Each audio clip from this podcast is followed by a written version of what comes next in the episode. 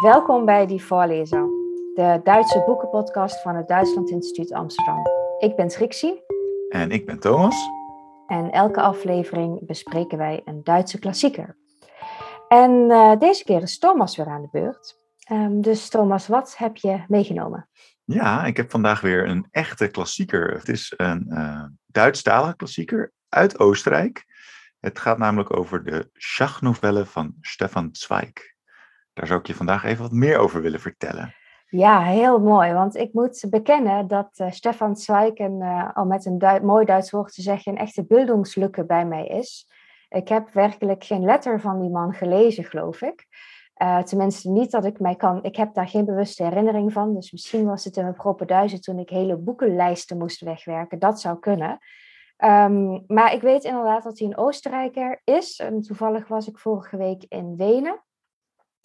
En uh, in het Literatuurmuseum. En daar zag ik ook uitzonderlijk veel aandacht voor Stefan Zweig.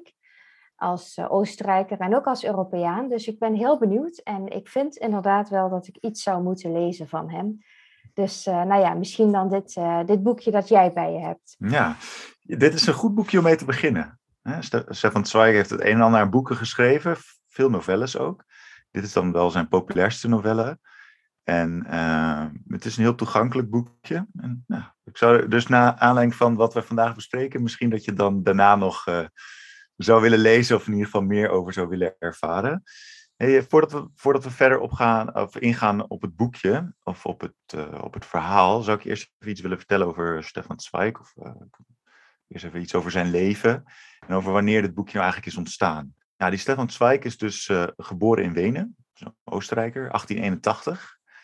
Dus uh, aan het einde van de 19e eeuw. Nou, daar heeft hij enige, land, enige tijd in, in Wenen gewoond. Uh, nou, nog verschillende plekken in Oostenrijk. Komt uit een Joodse familie, niet onbelangrijk om te vermelden. En wat je ook al aangaf, wat je terecht zei ook in de tentoonstelling, wat, daar, wat je daar gezien hebt. Um, hij is uh, Europeaan. Dus zijn gedachtegoed is ook heel erg Euro, uh, pro-Europees eigenlijk, uh, gemeenschappelijk. En um, dat gaat eigenlijk in, Stefan Zweig, die, die, die ondanks, ondanks dat gedachtegoed, um, dat is, is iets wat later eigenlijk pas ontstaat, want hij meldt zich nog wel aan voor de Eerste Wereldoorlog. dat is echt iemand die dus in die tijd ook opgroeit. En hij meldt zich aan om als journalist aan de slag te gaan uh, tijdens die Eerste Wereldoorlog. Hij, is ook nog wel, hij ziet ook daar nog wel de voordelen van in. Maar al gauw... Ja, voor, voor het Habsburgse Rijk dus. Uh, ja, precies. Hè? Dat, ja. Dat, dat is eigenlijk weet je, weer een st st st stukje geschiedenis over dat enthousiasme voor die oorlog, wat er ja. toen heel erg was. Maar hij kwam er vrij snel achter dat dat ongegrond enthousiasme was. En dat het eigenlijk uh, ja, dat er alleen maar ja. verliezers waren tijdens die oorlog. Ja, dat en het dat, uh, oorlog uh, toch vooral doffe ellende is. Uh, ja. Of alles, ja. Nou, en dat is iets wat we bij meer schrijvers terugzien. Ik heb onlangs een boekje gelezen van Erich Maria Remarque, In Westen nichts Neues. Oh ja, ja. Daar merk je ook heel sterk dat oorlogsenthousiasme, wat, weer, wat later ehm, ja, eigenlijk verandert in een soort van ja, oorlogsafkeer wil ik het ja. noemen. Nou, dat is bij Stefan Zweig ongeveer te vergelijken. Um, hij verandert daardoor ook, nou, verandert, hij komt tot inzicht. Hij wordt daardoor ook, denk ik, uh, meer pro-Europees. En hij wordt daardoor ook antinationalistisch. Antinationalistisch. Hij, dus hij keert zich ook tegen dat nationalistische. Um, dat, dat, dat chauvinistische wat bepaalde, wat bepaalde landen hebben, bepaalde groepen hebben. Nou, en dat, hè, we, dus, we, we, maken een sprongetje in de tijd. We gaan dan naar, naar 1933. Ja. Uh, Hitler uh, krijgt de macht in, um, in Duitsland. En um, die, die Stefan Zweig heeft dus heel veel werk ook gepubliceerd over tegen, tegen dat nationalisme, tegen oorlogen. En, en, en uh, voor Europa, dus voor ja, een Europese idee eigenlijk. Dat is iets wat uh, zeg maar een soort rode draad is in die, in die, in die verhalen. Ja. En hij, um, nou, hij merkt dus dat, dat uh, Hitler komt aan de macht, zijn boeken worden verboden. Hij komt op de, op de lijst van onerwünschte autoren. Hm. Om, omdat hij Joods is of ook vanwege dat pro-Europese? Onder andere, ja. vanwege zijn ja, omdat hij Joods is, maar ook omdat hij dus wat meer pro-Europees denkt. Ook omdat hij antinationalistisch is. Nou, al die verschillende Hmm. factoren, die dragen er eigenlijk aan bij dat hij dus op die lijst van verbodene, eh, verbood, ja, hoe zeg je dat? Verbodene auteur- auteurs komt. En ehm, nou ja, hij, hij, daardoor heeft hij zoiets van, nou, hij, doordat dat predicaat wat eigenlijk op hem geplakt wordt, kan hij niet meer zijn eigen werk uitbrengen. Hij krijgt een beetje, wordt een beetje angstig en eh, vlucht daarom naar Engeland. Hm. En in Engeland woont hij enige tijd. nou, heeft een huis. Eh, zijn vrouw, hij had eerst een. Ja, hij wisselt ondertussen ook nog van vrouw. In eh, Engeland heeft hij dan een andere vrouw. Turbulente tijden voor Ja. Stefan Zweig. Ja. Ja, ja. Hij ook weer, heeft ook weer te maken met het feit dat hij dus in ballingschap zat in Engeland. En zijn vrouw bleef dan in Oostenrijk. En eh, Mm. allemaal, allemaal ingewikkeld. Dus eh, lange afstandsrelatie. ja. Ehm, maar hij merkt dat er in Engeland een soort van spanning ontstaat. Ook omdat er, ja, het is toch een, een, oorlog tegen Duitsland die gevoerd wordt, tegen Nazi-Duitsland. En hij is er ook bang voor dat de Engelsen ehm, uiteindelijk hem aan zullen zien als Duitser vanwege zijn Duitsstaligheid. Ja. Hoewel hij natuurlijk Oostenrijker is. Nou, en op, nou, naar aanleiding daarvan vlucht hij eigenlijk weer weg uit Engeland. Ja, voor die angst voor, voor represailles eigenlijk. Een soort. eh, ja, dat werd in die tijd enemy alien werd dat genoemd. Dus hij werd ge- aangezien als vijand, of hij was er bang voor dat hij aangezien zou worden als vijand. Dus daarom vlucht hij weer. En hij vlucht dan via New York, ehm, Argentinië. En dan komt hij uiteindelijk in Brazilië terecht. En dat het dan ook zijn laatste woonplek of woonland zal zijn. En waar hij dan ook overlijdt in, eh, in ballingschap. En in Brazilië schrijft hij ook ehm, zijn laatste werk, ehm, de Schachnovelle. Jeetje. Wat een, eh, wat een route heeft hij afgelegd. En inderdaad, voortdurend dus dat, eh, dat angstige gevoel, dat gevoel van opgejaagd zijn, lijkt me. Hè? Dus voor over meerdere continenten. En, en in Brazilië vindt hij dan zijn rust. Ja, absoluut. En in Brazilië is hij dan, ehm, ja, daar, woont hij dan enige tijd. Daar schrijft hij ook zijn laatste werk. Ehm, de, de titel is mij even ontschoten hoe dat heet, maar dat, daar schrijft hij ook dus over eigenlijk een soort autobiografie over wat hij allemaal heeft meegemaakt. En daar zit heel veel, eh, ja, heel veel informatie ook in van hoe die door die fases, zeg maar, ehm, begin 20e eeuw, Eerste Wereldoorlog, de periode naast de, het interbellum, periode Ja. tussen de twee wereldoorlogen in, hoe hij dat allemaal heeft eh, doorstaan. En uiteindelijk ehm, maakt hij dus de, de keus om zichzelf van het leven te nemen, of zichzelf van het leven te beroven. En dat doet hij. En dat laat, laat hij dan, schrijft hij dan in een brief. Ehm, in een afscheidsbrief schrijft hij dan eh, aus freiem Willen und mit klaren Zinnen. En ehm, ja, zo pleegt hij eigenlijk zelfmoord samen met zijn vrouw.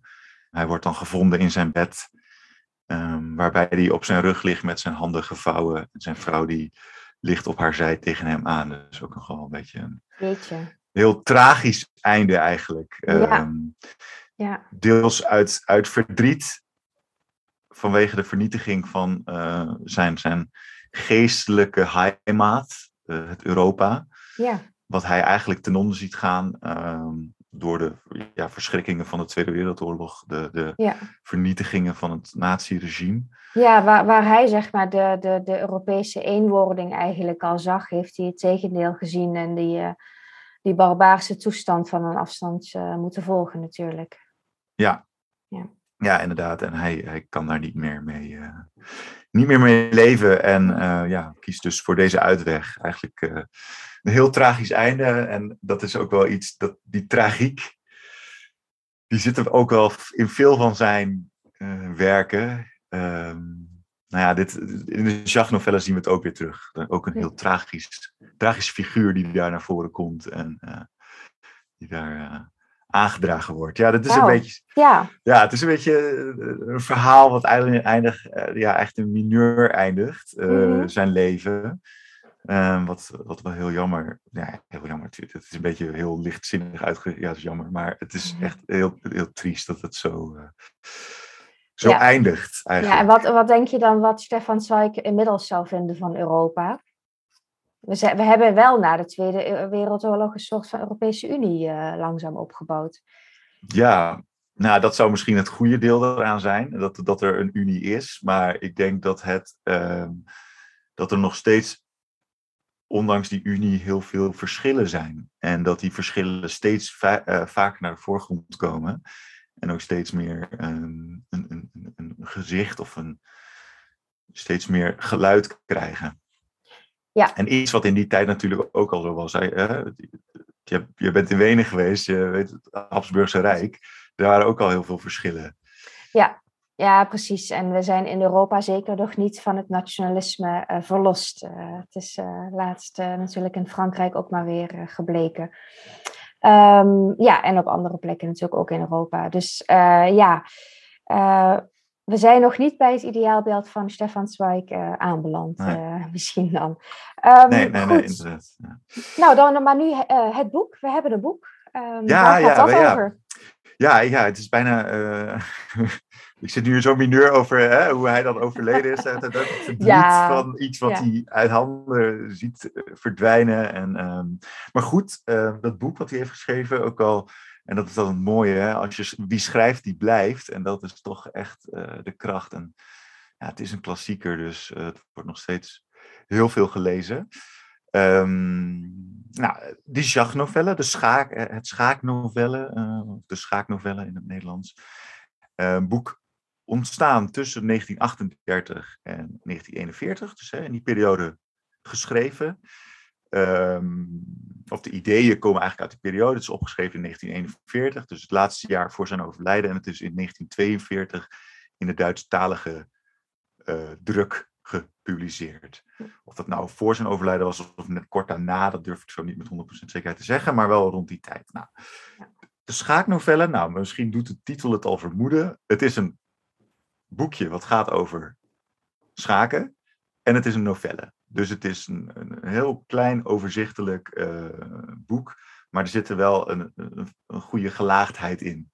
Dus het is geen ehm, eh, platte vertelling. Nee, het is, er zit, het is eigenlijk een beetje eh, bijna psychologisch eh, wat daarin zit. Ehm, ik zou even mee, meenemen in, in, in wat er gebeurt. Het is, het is dus een, het is een raamvertelling Mhm, met twee binnenvertellingen. mhm. Nou, wat gebeurt er? Ehm, we, we ontmoeten eigenlijk, of we, we, ervaren in het eerste deel van het boekje, of eigenlijk in het begin, in de inleiding, zo, te, zo je het wel noemen, ehm, er- leren we de ik-persoon kennen. En de ik-persoon, daar leren we eigenlijk niet zo heel veel over kennen, maar we weten hij treedt op. En die ik-persoon die vertelt over eh, een reis die hij onderneemt van New York naar Buenos Aires. Hij zit op een, groot stoom, op een grote stoomboot, op een schip. En ehm, hij ervaart van de medereiziger dat er op dat schip ook een schaakgrootmeester is. En die schaakgrootmeester, dat is Centovic. En die Centovic, die eh, ja, reist ook mee op dat schip. En ehm, die, eh, is, dat is een, dus een grootmeester, die, die, die, die medereiziger, die, die vertelt hem dan over Centovic. En met, met die vertelling over Centovic, dus die, die, grootmeester, komen we eigenlijk in het eerste deel van de raamvertelling. En dat is een raamvertelling over het leven van die Centovic. Nou, wie was nou die Centovic? Die Centovic is een, is een, is een, dus een schaakgrootmeester, maar die is eigenlijk opgegroeid als weeskind. Zijn vader was ehm Donauvader, of de scheepsvader op de Donau eigenlijk. Ja. En ehm, die overlijdt omdat zijn boot wordt overvaren door een andere boot. En ook wel een tragisch einde, ook, ook weer die tragiek. hè? En ook weer zo symbolisch. eh, bijna, hè, van, ja, ja, mooi. Dus Mhm. nou, hij groeit op als weeskind. Hij wordt opgenomen door een, ehm, een, eh, priester en die voedt hem op. En die priester die merkt al snel dat het echt een vrij krompe, eh, stompzinnig, nou, bijna zwak begaafd figuur is. Ach. maar een hele bijzondere gave heeft voor het schaakspel. Het enige wat hij niet kan, is blind schaken. Dus hij moet altijd een schaakbord bij de hand hebben. Om, hij moet het altijd kunnen, ja, kunnen Oh ja. zien. Hij, ziet het niet voor zich. Hij ziet het niet voor Nee. zich. Die begaafdheid heeft hij niet. Die kunde, dat, dat kan hij dus niet. Maar als er een schaakbord voor hem staat, dan kan hij schaken en hij wint dan ook vrijwel altijd. Nou, het is dus een geniale schaker. Maar zijn karakter is iemand die, nou, hij is dus heel, heel ja, ja, wat ik zeg, een beetje, een beetje zwak begaafd, onopgeleid. ehm, En niet, niet heel vriendelijk ook. niet heel vriendelijk. Nee. Nee. nee, Hij is ook niet in staat zichzelf goed uit te drukken, zichzelf verbaal uit te drukken. Dus eigenlijk ja, onopgeleid eh, figuur. Ja. Maar hij kan dus wel heel goed schaken. En hij merkt dat met dat hele goede schaken dat hij dat kan, dat hij daar heel veel geld mee kan verdienen. Ja. Dus hij wordt tot iemand die met dat schaken, eh, ja, dus wereld, wereldkampioen wordt, grootmeester wordt. Maar dat brengt hem ook heel veel succes. Hij wordt succesvol, hij krijgt veel geld, daarmee wordt hij egocentrisch. Hij wordt heel erg eh, overtuigd van zichzelf, van zijn eigen kunnen. En hebzuchtig. Dat Oké. zijn een beetje de, de karaktereigenschappen die Ja, dus hij wordt daar niet, eh, niet een beter mens van. eh. Nee, nee, maar hij was ook al niet echt goed mens, nee, eigenlijk. nee, hè. nee, Dat is precies. iets Dus het is van- geen, geen beeldingsroman wat we hier hebben. Nee, nee, dit Nee. is zeker geen Bildungsburger. Nee, nee, nee, Nee. dat is deze helemaal niet. En, ehm, nou, dus dat is iets wat wij in het, in, zeg maar in het, in het, eerste deel is dus een beetje die inleiding. Daar krijgen we dan de, de, de setting, dus op dat schip, waar dan de, de ik, ik, ik persoon is.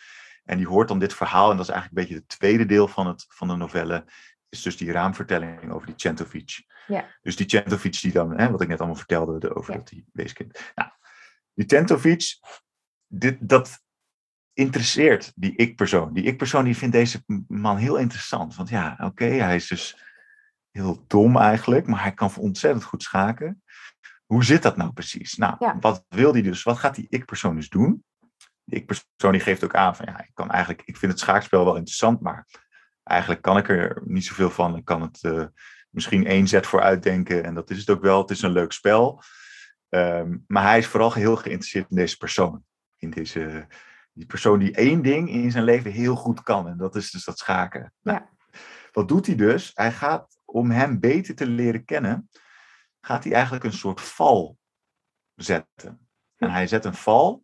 En die val is eigenlijk dat hij met zijn vrouw op dat schip, hè, die is dus met zijn vrouw op dat schip, die gaat met, die, met zijn vrouw gaat hij schaken. Dus hij gaat ergens in een gemeenschappelijke ruimte gaat hij zitten, Ja, aan publiek eh, gaat hij met haar kijken wat er gebeurt. Ja. Ja, nou, die, hè, die vrouw wordt een beetje zo afgebeeld van, eh, die kan er helemaal niks van. Dus dat- die valt heel snel, ja, Ja. typisch, die valt heel snel De door de mand. vrij, vrij matige schaakpartij is dat. Ja, ja, Ja. eh, inderdaad. Maar die Centovic, die interesseert dat niet. En die komt heel moeilijk in contact met mensen. Die wil eigenlijk niet in contact komen met mensen. Die, eh, die, dus die, die, die lokt hij daar niet mee. Maar wie die daar wel mee lokt, is eh, Connor. En Connor is een ehm, Engelse, Ierse, pin me er niet op vast, ondernemer. Self-made man eh, uit de mijnbouw. Dus die is echt heel erg, eh, ja, ook, ook wel van de status, van het geld. eh, ook wel een beetje dat hebzuchtige.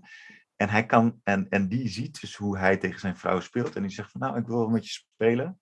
Ehm, dus die gaan dan vervolgens tegen haar spelen. Maar die Connor, die, is, die, is, eh, die kan niet tegen zijn verlies. En die wordt heel erg heel boos. En die, die laat zijn, zijn hele gedrag wordt beïnvloed door het feit dat hij niet wil verliezen. En het is een beetje, ja, is iemand die, eh, nou ja, ook, ook, heel, ook heel erg dat overtuigde van zichzelf. En ehm, Ja. ja, er komen dus wel wat, eh, wat negatieve karaktereigenschappen van de mens zo eh, aan de zeker, ja, die zitten daar ook allemaal, aan, die zitten Ja. ook allemaal aan boord, ja. Ja, En die, eh, nou ja, goed, zij spelen dan en die, die, die, die, ook die vertelt over zichzelf en eh, hoe fantastisch die is en zo. Nou, op, die, op die manier. En zij komen dus ook te sprake over, of, of aan de praat over die Centovic.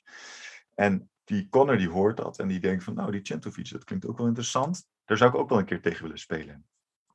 Maar die, ze weten hem nog steeds niet te lokken met die val. Hè? Die val dat ze daar op, dat boot, op dit boot zitten te spelen. Maar waar ze hem wel mee weten te lokken, is Connor die eh, gewoon 250 dollar of zo. Die biedt gewoon geld aan die Centovic om tegen hen te spelen. Dus die wil het geld gewoon inzetten van oké, wil jij voor 250 dollar tegen ons spelen? Nou, ja, ja, en Centovic zegt natuurlijk, ja, ik kan toch wel winnen. Dus die, uh... Daarom, die denkt, oh, dat is makkelijk, uh, makkelijk verdiend, het geld. Ja. dat weer een beetje dat hebzuchtige, alleen maar snel geld verdienen. Ja. Dat zit er weer heel erg in, dat, uh, in die, in die. Dat zit in zijn, zijn wezen, om het zo maar te zeggen. Nou, dus die gaat erop in en die wil dat geld wel. En die, ehm,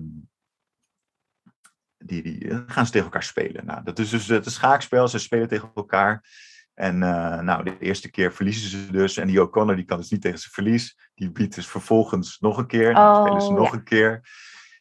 En dan zijn ze met elkaar aan het spelen. En dan zitten ze dat. En dan staat er heel veel publiek omheen. Hè. Je moet je dat zo voorstellen op zo'n boot waar verder niet zoveel te doen is. En dan zit daar, zit daar de schaakgrootmeester zit daar te spelen tegen twee uitdagers die samen spelen. Mhm. Tegen die ene schaakgrootmeester. En uh, dan komt er opeens een figuur ten tonele.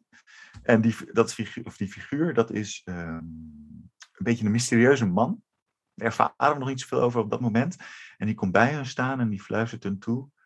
Of fluistert hun in van, oké, zet je schaak, of zet je, zet je uh, nou, ik weet niet welk schaakstuk, maar zet je schaakstuk op, dat, op die en die plek en dan uh, gebeurt mm -hmm. dit. Nou, en, en, en Van Rempel, hij, ze doen wat hij zegt en ze winnen. En op dat moment is dus die schaakgrootmeester, of nou, ze winnen, nee, ze winnen niet, maar ze, een remise wordt het. Oh ja. Dus ja. er is niet echt een duidelijke winnaar. Maar nee, maar wel... dat, dat Centovic niet wint is natuurlijk voor hem al uh, radicaal nieuw. Zeker, ja, ja. ja. Ja, Dus dat is echt al een. Uh... En is dat dan een soort uh, geestverschijning? Of is dat gewoon een man die daar daadwerkelijk is en voorbij komt kijken? Nou, je zou het wel bijna denken, maar het is inderdaad wel echt een man die daar ook aan boord is. Het is gewoon een reiziger. Oké. En dit is de introductie eigenlijk van het moment, dus de eerste ontmoeting tussen, de reis, tussen die, die mysterieuze reiziger en Centovic. Nou, en dan gaan we door naar het volgende deel. Dus eigenlijk komen we dan bij het vierde deel, want dan ervaren we meer over die mysterieuze reiziger. Die mysterieuze reiziger is een, heet, heet Dr. B. Nou, Dr. B, verder wordt hij niet, wordt niet verteld wat hij, of, uh, hoe die heet, maar hij heet Dr. B. En Dr. B komt naar alle vermoeden uit een welgesteld Oostenrijks, uh, Oostenrijks milieu. Dus een welgesteld Oostenrijkse adellijke familie. Dat wordt, dat wordt door de ik-persoon gedacht. Nou, uh, wat ervaren we nou over die Dr. B? Dat is dus eigenlijk de tweede raamvertelling die erin zit. Want de eerste raamvertelling gaat ja. over Centovic en die tweede raamvertelling gaat over Dr. B.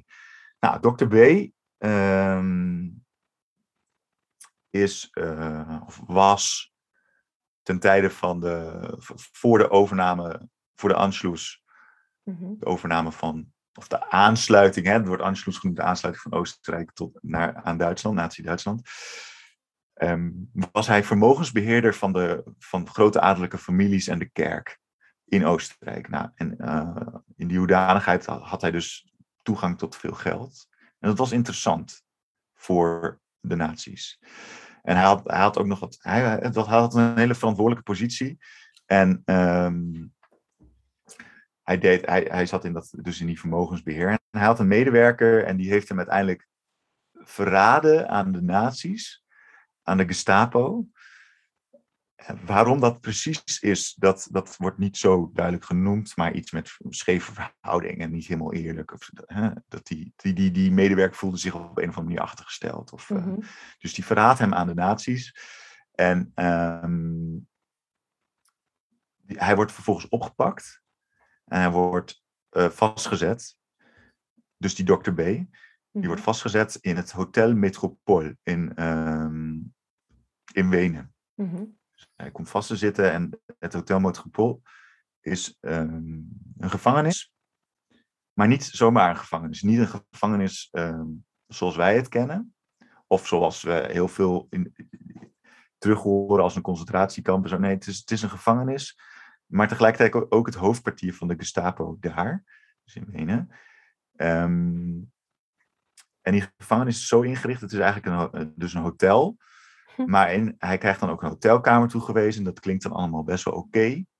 Nou, hij krijgt een hotelkamer met, met, een, met een, uh, een bed, een tafel en een stoel. En een uh, wasbak. En maar dat is het. Nou, hij komt daar te zitten en dan horen we zijn verhaal, eigenlijk zijn, zijn hij zit daar dan vast en ehm, nou, dan, dan zit hij daarvoor. Hij weet niet hoe lang vast. Hij, heeft verder hij, hij heeft niks. Hij zit daar dus de hele tijd met zichzelf in die kamer, tussen die vier muren. En af en toe wordt hij verhoord. Nou, en eh, dan, wordt, dan wordt hij weer meegenomen en dan wordt, hij, wordt hem allemaal dingen gevraagd waar hij het antwoord niet op weet. Of wat, hij weet niet waarom. En hij wordt dus elke keer ehm, wordt hij dus weer, wordt hij weer vastgezet in die hotelkamer. Dan krijgt hij zijn eten. En dan wordt hij weer verhoord. Dus het is eigenlijk een soort eindeloze. Ja, het klinkt, het klinkt wel ook wel een klein beetje Kafkaesk. Ja. Dat het allemaal maar eindeloos doorgaat. Ook die naam natuurlijk, Dr. B. Ja, het, ja. het zou inderdaad zo. Uh, zou zo van Kafka kunnen zijn, dit, dit, gedeelte, dit hoofdstuk. Ja, ja precies. Maar het, het laat ook weer iets van het, het, het, eh, de, de gruwelijkheid eigenlijk van het niets of zo. Ja. Je, hebt, je zit in die kamer, de, of hij zat dan in die kamer en hij had niets, hij had zijn eigen gedachten. Ja, waar kon hij nog over nadenken? En dan zit je dus maar alleen maar met je eigen gedachten. Hij had verder helemaal niets om te doen. Hij had, hij had, vervolgens had hij alle kieren en scheuren en alles had hij al helemaal bekeken, hoe het eruit zag en zo, om, om iets maar van afleiding te krijgen. Ja. Maar hij, had, hij werd dus eigenlijk gemarteld door zijn eigen gedachten. Dus een beetje ja, echt een psychologische ja. marteling. Door die absolute leegte daar uh, op die kamer. ja inderdaad. Oké, nou. maar uiteindelijk is hij daar uitgekomen en is hij op de boot terechtgekomen.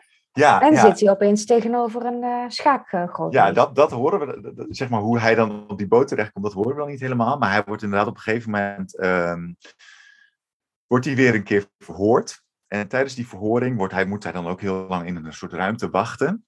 Dat is die verhoring vindt ook plaats in het hotel. Moet hij heel lang in een ruimte wachten. Mm -hmm. En in die ruimte daar ontdekt hij een jas van een uh, Gestapo-medewerker. En uh, in die jas daar ontdekt hij iets dikkers. Hij kijkt dus naar de contour van die jas die daar hangt aan de kapstok. Uh, er wordt helemaal in mooi in detail wordt dat beschreven hoe die jas er hangt en hoe die nog nadruppelt op het tapijt. Mm. Maar hij ontdekt dus iets wat naar buiten steekt uit die jas, een soort verdikking daarin. En hij neemt dan, uh, heeft dan de moed om te gaan kijken wat het is. En hij ontdekt, oh, het is een klein boekje. En hij had zo'n honger naar letters. En hij had zo'n honger naar, om iets te lezen, om iets van afleiding te krijgen. Dus die Dr. B, die pakt dat boekje uit die jas, heel sneaky allemaal, heel voorzichtig. En hij pakt het boekje en hij gaat dat, en neemt dat mee naar zijn kamer. En wat is dat nou voor boekje? Het is een boekje over alle schaakzetten en alle schaakspelen die ooit zijn gespeeld tot die tijd. Dus alle, van alle grootmeesters, die allemaal, het is eigenlijk een soort overzichtsboekje van allemaal verschillende schaakzetten en, en passen en verschillende soorten wedstrijden die er zijn gespeeld. Ja. Dus dat is het enige wat hij heeft. Nou, dan heeft hij dat boekje en dat neemt hij mee in zijn cel, en, of in zijn hotel- hotelkamer, cel, eh, ja, een beetje hetzelfde daar. En dat boekje, dat, dat leest hij heel van kaft tot kaft. Dat leest hij elke keer weer door, elke keer weer door, en, want hij heeft niks anders. En hij gaat Ja. dat dus, al die spellen die erin spelen, gaat hij naspelen met een paar kruimeltjes en propjes papier. En dan speelt hij dus al die spellen na. En hij speelt dus alleen maar schaak tegen zichzelf de hele tijd. Ja. Al die spellen speelt hij na. Nou, goed. Ja. En uiteindelijk is dat dus de manier waarop hij schaak speelt. En dit is dus een beetje het verhaal van Dr. B. Ja. En die Dr. B, eh, dan neem ik je weer even terug mee naar het schip. Daar, want hij vertelt het dus allemaal over zichzelf ook op dat schip. En dus die ik-persoon die ervaart het allemaal, die hoort het allemaal. En uiteindelijk is het dus zo dat die Dr. B en die Centovic, die, worden, die, die staan tegenover elkaar in een spel. Mhm. En dat eerste spel, wat zij doen, dat wordt gewonnen door Dr. B. Dus zij gaan dus weer tegen elkaar spelen, want hè, die Centovic denkt ook, oké, dit is een remise, oh interessant, ik wil tegen deze mysterieuze man spelen. Dus die gaat vervolgens tegen die Dr. B spelen en die eerste keer verliest Centovic, dus die is in, in ik weet niet hoeveel jaar voor het Ja. eerst weer verslagen. Ja. En dan daagt Centovic hem uit voor een tweede spel. En ondanks dat Dr. B had gezegd: nee, ik ga maar één spel doen. En ik heb in 25 jaar, 25 jaar niet meer gespeeld. Ik doe absoluut maar één spel. en eh, daarna niet meer. Gaat hij toch ermee in en speelt hij nog een tweede spel. En ja, dat is eigenlijk ook een beetje eh, het tragische einde. Hmm. Want dat tweede spel, dat wint hij niet. En eh, dat wint Centovic. En Centovic wint dat door Dr. B eigenlijk een beetje ook weer psychisch te Mhm. mishandelen. Door elke stap, elke zet die hij doet, ook al zijn het de kleinste, simpelste zetten, daar heel lang over te doen. Oh ja, En en, dat, dat- is precies natuurlijk voor Dr. B de, de herinnering, de gevoelsherinnering aan die ellendige tijd en die eh eh, chique cel waar hij in zat. En dat wint hem zo op Ja, dat hij het niet meer, dat hij niet meer helder kan nadenken en ook niet meer. en dat is wel heel fascinerend, want dat heeft Centovic dus in die eerste partij geleerd. Hè, dus Dr. B is een technische zeer, of eigenlijk door, door dat ene boek heel goed geworden. Ja. Maar Centovic is degene die psychologisch kan bespelen. Ja, ja, En, en- op die en- manier dus kan winnen. Ja, precies. En precies op de juiste plekken weten drukken waar, eh, waar het zeer doet. Ja. Om, ehm, En Dus- krijg je dan als lezer ook meer sympathie voor Dr. B op dat moment? Ja. Bij hoop je heel erg dat hij wint. eh, Als je dat ja, eigenlijk wel. Nou ja, dat zo, dat, zo was het bij mij wel. Toen ik Ja. het las, dacht ik echt van... Nou, je hoort natuurlijk eerst het hele tragische verhaal. Die, Dr. B is echt een tragische figuur. Ja, Eh, dat hij eerst verraden wordt, daarna vastzit. En uiteindelijk wel, omdat hij waanzinnig wordt. Dat heb ik nog niet verteld, maar hij wordt waanzinnig. Hmm. En hij, wordt, hij komt in een ziekenhuis terecht. En eigenlijk wordt hij daar dan een soort van ontslagen. Dus hij wordt niet eens echt vrijgelaten, vrijgelaten. Nee, hij wordt Aha. waanzinnig in een ziekenhuis opgenomen en uiteindelijk ontslagen. Uit het Ja. ziekenhuis.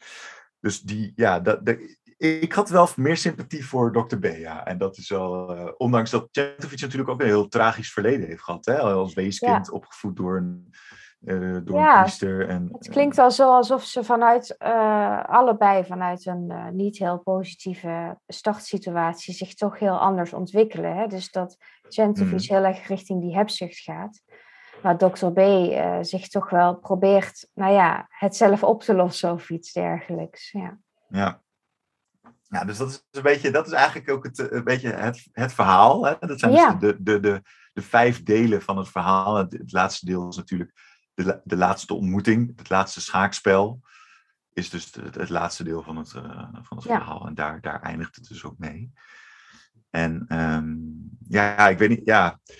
Dat, ik vond het heel interessant om te lezen. En ook heel, heel mooi wel Mhm. omdat die, omdat Stefan Zweig met een hele mooie taal dingen weet, weet uit te drukken en het heel, ehm, heel ja, met heel veel gevoel weet te brengen en heel veel, dat je je heel goed kan inbeelden van wat hij nou bedoelt en hoe die situatie moet zijn. En ik heb daar een, een stukje tekst van meegenomen, of een, een, klein, een klein fragment. Leuk. Ik kan het wel even Ja. met je eh, doornemen. Ik kan het wel even voordragen. Dat je een beetje weet wat ik bedoel met, met, met dat gevoelige wat erin zit, dat gedetailleerde. Ehm, dit, is, dit speelt zich af, eh, dit stukje, dat is in die, in die hotelkamer, in die cel van, van, Van- Dr. B ja. tijdens zijn gevangenschap. Es gab nichts zu tun, nichts zu hören, nichts zu, zu sehen. Überall und, und unterbrochen war um einen das Nichts, die völlig raumlose und zeitlose Leere. Man ging auf und ab, und mit einem gingen die Gedanken auf und ab, auf und ab, immer wieder.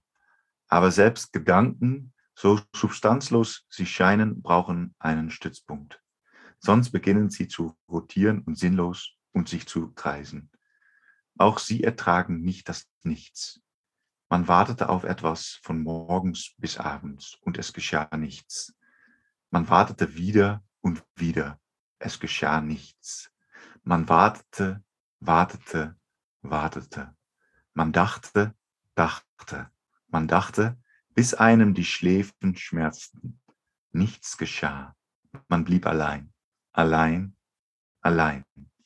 Nou, dit Ja. deel, dit, ja, dit las ik en ik, ja, ik kon het heel goed, eh, ik Ja. kon me het heel goed voorstellen ook, die, die leegte daar. Ja, heel mooi beschreven. En vooral omdat in de tekst ook al die herhaling zit en die eh, vertraging en het, ja, het, het, het niets, hè, het wachten, en het wachten. Heel mooi hoe, eh, ja, hier kan iedereen zich denk ik wel iets bij voorstellen. Mhm. Ehm, en is dit dan op de een of andere manier ook een metafoor voor het leven? Of wat, wat, waar, waar staat die dokter B voor? Eh, waarom heeft Stefan Zweig, denk jij, zo'n personage neergezet? Zo iemand die dan in de leegte eh, toch een vaardigheid eh, zich eigen weet te maken, maar uiteindelijk uh, dat. Hè? Uiteindelijk lukt het hem toch niet. Wat, wat is dat voor een personage? Wat moeten we daarmee? Ja, wat moeten we? Wat kunnen we met dat personage? Ja, ik denk heel erg dat je hier, dat, dat je met dit personage ziet van, ja, het, het zijn niet, het schaken is een spel. En om het dan weer bij het schaken te houden, Um, schaken is een spel wat je doet met twee spelers. En dat kan je niet tegen jezelf spelen de hele tijd. Het is een spel ook op basis van interactie. En um, als je het uit een boekje leert, er zijn ja. altijd factoren. Je kan nog zoveel uh, posities en schaakzetten leren uit een boekje. Er is altijd nog die menselijke factor die tegenover jou zit bij dat bord. Die ja die doet, anders doet besluiten of andere beslissingen maakt die je niet van tevoren kan inschatten. En daarmee krijg je ook wel een beetje zo van, ja, je kan alles uit een boekje halen, ja. maar de reële wereld is toch, toch anders. Uiteindelijk zul je moeten anticiperen en omgaan met die psyche van de ander en hoe die jou probeert te bespelen en met je eigen eh, bagage en hoe dat weer naar boven komt. En uh, exact. Ja, dat, dat is inderdaad wel heel mooi neergezet hier, als ik dat zo hoor. Van hoe in dat spel, uh, veel meer dan inderdaad dat, dat die zwart-witte blokken en die schaakstukken uh, aan de gang zijn. Mm. Maar hoe eigenlijk daarmee van alles aan de oppervlakte wordt gehaald. Daarom vind ik dat ook wel mooi dat het op die boot zit. Hoe, ja. uh, hoe zie jij dat? Want het was, wat was het ook alweer? De, de, een, van, van New York naar Buenos Aires, heb ik dat goed onthouden? Ja, ja. Een hele tocht. Uh, wordt dat verder nog beschreven, dat het een boot is? Heeft, wat voor rol speelt dat? Nee, dat speelt eigenlijk niet zo'n grote rol. Dat is eigenlijk meer een soort setting, een decor van waar, waar het zich afspeelt. En, ja, en dat het zo'n afgesloten gezelschap is. Uh... Ja, nou, dat is ook wel een reden, zeg maar, omdat die Centovic, die, ik kan me dat zo voorstellen hoor, ik weet niet of dat zo echt zo is gedacht, maar dat die Centovic, die kan natuurlijk niet weg, die kan geen kant op. En die moet dan wel, ja, die krijgt geld aangeboden, ja, die gaat het dan maar gewoon spelen.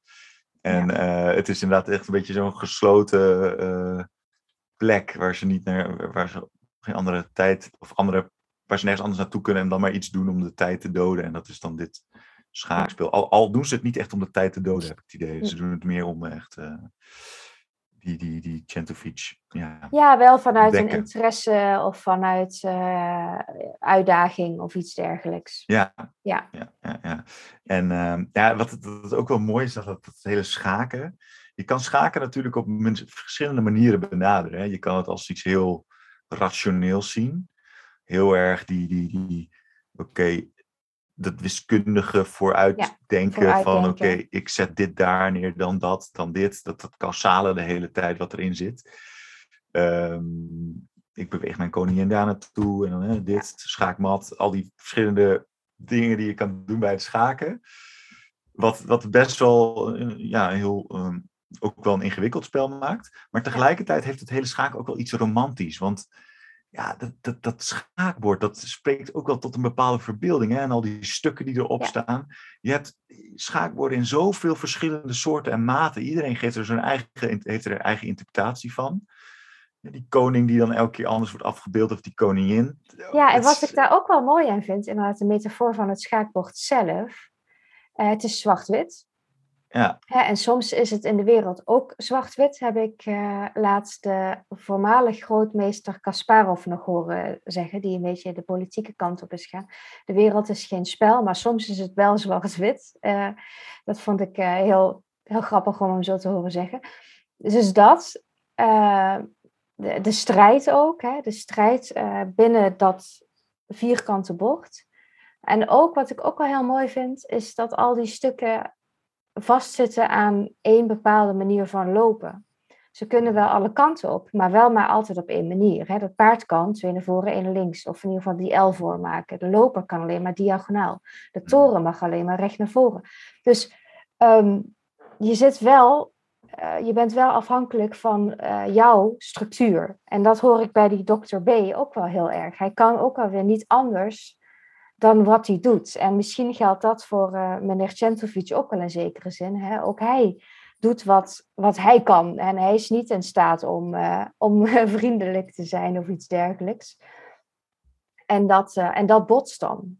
dus, en wat dat betreft is het schaakspel dan ook een soort van in het klein, hoe ze daar met z'n allen misschien op die boot zitten. Ja. ik wel, uh, wel een, ja, ik, ik heb wel zin om met te lezen, maar ik heb eigenlijk ook wel zin om een potje te schaken, als ik dat zo hoor. Het is toch een leuk spel, hè? Inderdaad, wat je zegt, uh, uh, het wordt door zoveel verschillende mensen gespeeld en het kan op zo oneindige mogelijkheden hebben en oneindige stappencombinaties, maar toch wel steeds volgens een patroon. dat, mm. dat is misschien wel, wel een leuke, leuke metafoor, ja. Ja. Ja, het is, ehm, ik heb het uh, zelf als, um, ook als luisterboek uh, geluisterd. Als hm. heurboek en uh, meegelezen. Dat was ook heel, heel, interessant, omdat je dan... Um, dan wordt het je ook voorgelezen. En dat, is, dat, is, dat geeft nog weer een andere dimensie. Dus als je het gaat lezen, dan kan je het dus. Je kan tegelijkertijd schaken en lezen. Dat wil ik er eigenlijk mee zeggen. Dat, ja. Uh... En klinkt het dan ook een beetje Oostenrijks, of dat niet? Nee, dat niet. Nee, het is wel hoogduits, sorry. Ja. ja, ik zat te denken. We hebben best wel wat Oostenrijkers gehad. Hè? We hebben het gehad over Ingeborg Bachmann en over Robert Musil. Dus we, die zijn goed vertegenwoordigd.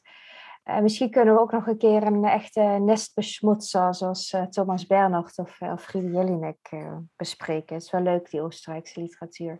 Ja, ja zijn er nog dingen die je wil toevoegen, Thomas? Ik zit eens even te denken. Nee, ik heb volgens mij alles zo'n beetje wel gehad. Um, wat ik je wilde vertellen hierover. Ik ben eigenlijk wel benieuwd. Is het nou, is het nou iets wat je zou willen lezen? Of is het. Ehm, nou, in ieder geval ben ik na mijn, uh, na mijn reis naar Wenen en nu na dit gesprek wel heel erg geïnteresseerd geraakt in wie Stefan Zweig is. En ook zijn Europese idee.